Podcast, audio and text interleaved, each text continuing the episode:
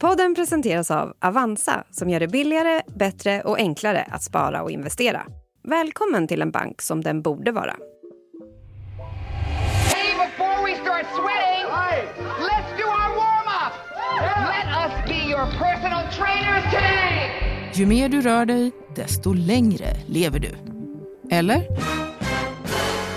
När Svenska Dagbladets vetenskapsreportrar gick igenom forskningen upptäckte de någonting helt annat. Redan då började man fundera på lite vad som var hönan och vad som var ägget. På en kvart får du veta hur forskarna drog den förhastade slutsatsen och vad man egentligen vet.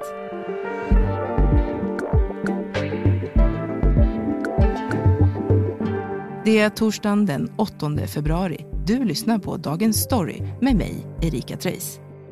Gäster idag är SVDs vetenskapsreportrar Maria Jelmini och Therese Bergstedt. Maria och Therese, hur förvånade blev ni av resultaten i er genomgång? Ja, men lite förvånade. Eller snarare, jag tyckte det var intressant. Jag blev intresserad. Ja, men jag håller med. Jag blev eh, lite förvånad, men eh, spännande att, att sätta sig in i. Okej, och ni har ändå då gett er på en av de mest etablerade sanningarna. Den här med att eh, ökad fysisk aktivitet ska leda till längre liv. Men jag tänker att vi måste börja med, hur gjorde ni helt konkret när ni studerade det här? Ja, man kan väl säga att vi försökte leta upp och grotta ner oss i eh, de eh, mest tongivande studierna. Mm. Så vi har suttit där med ganska många hundra sidor som vi har strukit under i och skummat och intervjuat. Klassiskt journalistiskt arbete helt Exakt. enkelt. Mm. Men du, Therese, vad var initialt som gjorde att ni började titta på just den här frågan? Faktiskt att vi fick ett mejl av en läsare. Så jag vill gärna uppmuntra folk att fortsätta höra av sig till oss. Det var en, en initierad läsare som hade funderat på det här sambandet och som eh, tog upp några studier och, och föreslog att vi skulle skriva om det. Och det hade jag också just sett att det hade kommit en ny studie från Karolinska institutet som var inne på lite samma tema. Och då pratade jag med Maria så kom vi fram till att det här vill vi titta på. Och Maria, vad var det då ni verkligen kom fram till i er genomgång? Det var väl egentligen att man sett till den forskning som har gjorts inte till 100 procent kan slå fast att eh, träning leder till ett längre liv. Mm. Men eh, idén som sådan, som ju är etablerad då, att träning ska leda till ett längre liv, var kommer den ifrån från början? Nej, men det här är ju ett samband som, eller en hypotes som forskare haft väldigt länge. Man får gå tillbaka till 1950-talet i London. London is a city of change and contrast. Där började brittiska forskare titta på ja, men vilka yrkesgrupper, hur ser det ut med risken att drabbas av hjärt-kärlsjukdom och för tidig död? Och då upptäckte man mycket intressanta saker på dubbeldäckarna i London.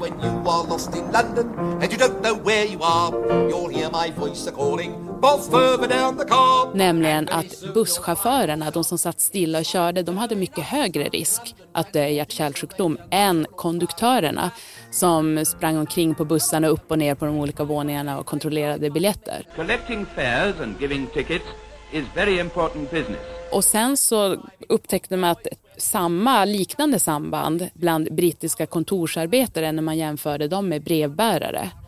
Och då så drog forskarna slutsatsen att skillnaden var ju hur mycket de här yrkesgrupperna rörde sig under arbetets gång. Just det. Men det man också började fundera på några år senare, det var just det här om det verkligen var faktumet att de sprang omkring som gjorde att de då verkade ha bättre hjärt och kärlhälsa. Eller om det var så att de som sökte sig till det här jobbet där man måste röra på sig ganska mycket, att de kanske rörde på sig mer redan innan. Så att redan då började man fundera på lite vad som var hönan och vad som var ägget. Mm, jag förstår. Och hönan och ägget då, vad, vad är egentligen det grundläggande problemet här? Alltså, forskning går ju ut på att man har en hypotes man försöker belägga och då kan man konstruera studier för att försöka besvara sina frågor som man har.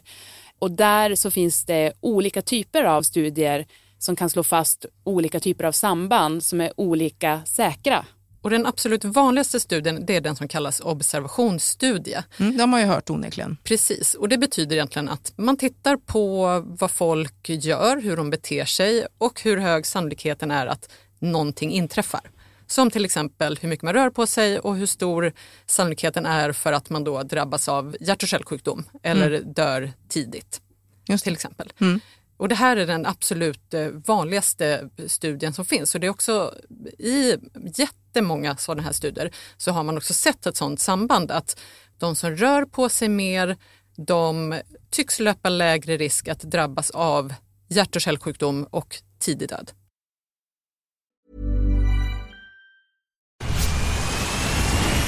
Where's that dust coming from? Still finding debris after vacuuming? Eufy X10 Pro Omni Robot Vacuum has 8,000 PA of powerful suction to remove debris deep in carpets. And it's totally hands free. Want to know more? Go to eufy.com. That's EUFY.com and discover X10 Pro Omni, the best in class all in one robot vacuum for only $799. Ja, och, och sådana här observationsstudier som du nämner, vad är det för problem med dem egentligen? Ja, men svårigheten med det här är att det finns en väldig massa saker som kan ligga bakom det här utfallet som vi ser.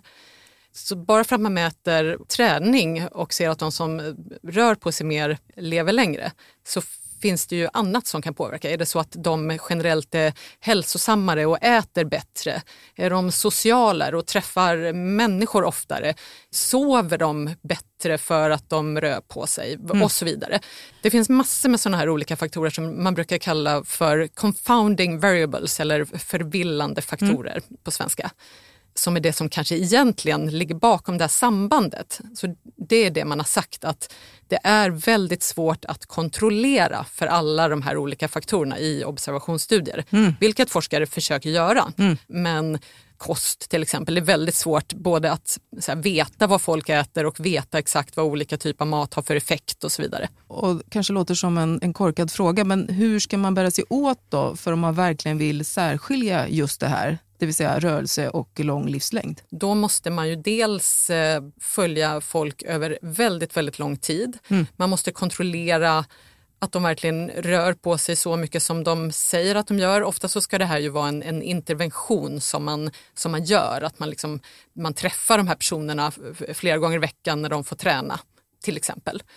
Men det finns massa problem med de studierna och det är till exempel att folk hoppar av.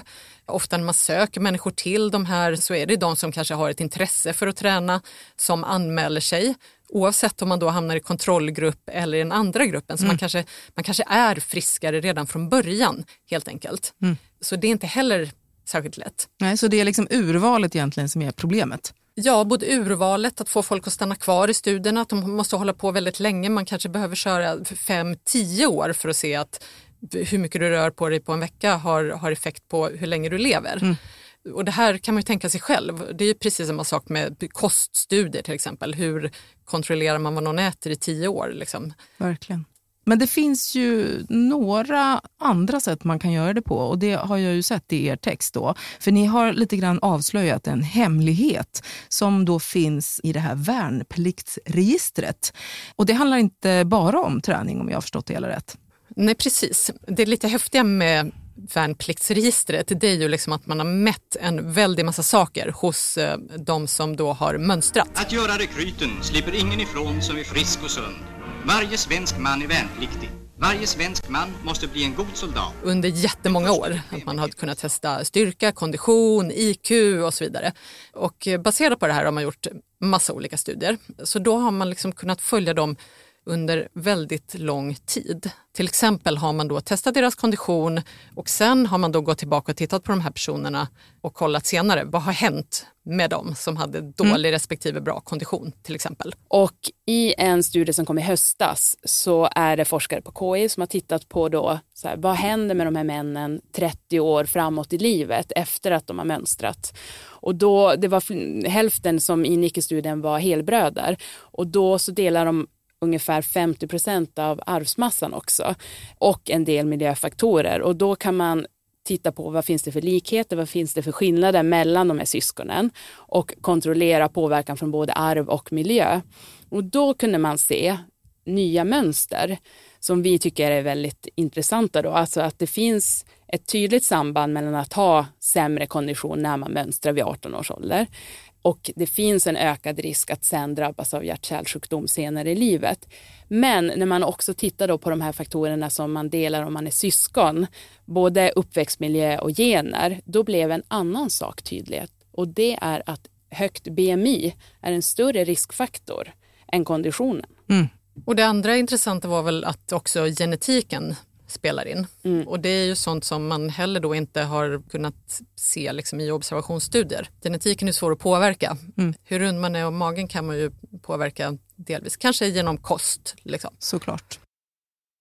Okej, nu vet ni en massa saker om det här och vi har fått tagit del av er kunskap. Men om ni då ska skicka med några goda råd då, alltså vad vet man faktiskt ger ett eh, långt liv? Vi börjar med dig Maria. Jag fastnade lite för det här citatet som en forskare sa som jag intervjuade just runt det här. Man ska säga då att han har gjort många sådana här observationsstudier, men väldigt långa sådana där man har, har följt folk över lång tid. Och han sa att det finns väldigt mycket som man vet är farligt men som man ändå inte har kunnat bevisa i de här kontrollerade studierna. Till exempel rökning. Man skulle aldrig sätta in folk i ett rum och tvinga dem att röka paket om dagen i, i fyra år. Liksom, Nej, det är vi glada för. Mm. så det är ju svårt att slå fast. Det kanske är huvudbudskapet. Att bara för att det är- svårt att slå fast i studier så betyder det ju att det- inte existerar någon sanning.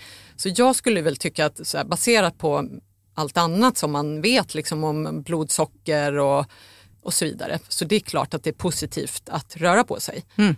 Man kanske också ska tänka lite på vad man äter och vara medveten om att din genetik kommer påverka också. Jag förstår. Men det lär inte bli värre i alla fall om du joggar lite ibland. Det är bra. Och Therese, du då, vad, vad vill du skicka med? Ja, att- vet att- vi ger ett långt liv? Träning är jättebra. Sen går det inte att säga säkert att det förlänger livet med, utifrån den forskning som finns idag, men att det har många hälsofördelar är ju uppenbart.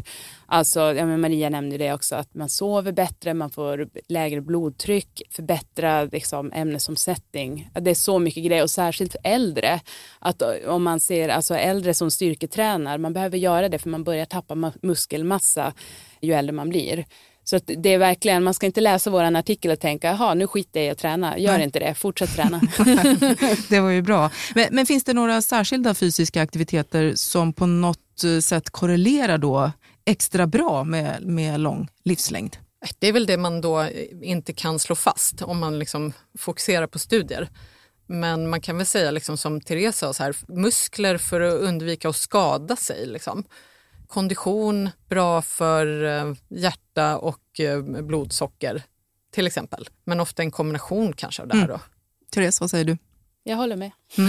Men, men eh, jag måste ändå bara, bara ställa frågan, varför är det så viktigt att leva länge? Är det inte bättre att leva väl när man nu är här?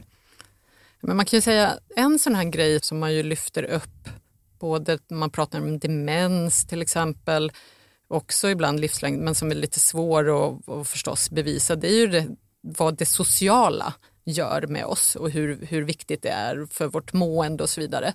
Så att det, det handlar väl också om att ha ett, man ska njuta av sitt liv förstås. Liksom. Men eh, chanserna kanske blir större att man njuter av sitt liv om man fysiskt mår bra också, om man är frisk och man orkar. Och också det här som vi tog upp, liksom att det, det finns, verkar ju finnas också samband mellan mycket stillasittande och eh, högre risk för depression till exempel. Så Therese, eh, avslutningsvis då, om du får välja, vill du leva länge eller vill du leva lite kortare men fullt ut? Oj, alltså vad svarar man på det? Eh, Men fullt ut och länge. Förstås vill vi inte alla. Tack eh, för att ni kom hit båda två och delade med er av all den här kunskapen. Tack! Och programmet idag producerades av Daniel Sävström, redaktör Elin Romeliotto och ansvarig utgivare Elisa Irenius. Vill du kontakta oss? Mejla gärna till dagensstory.svd.se.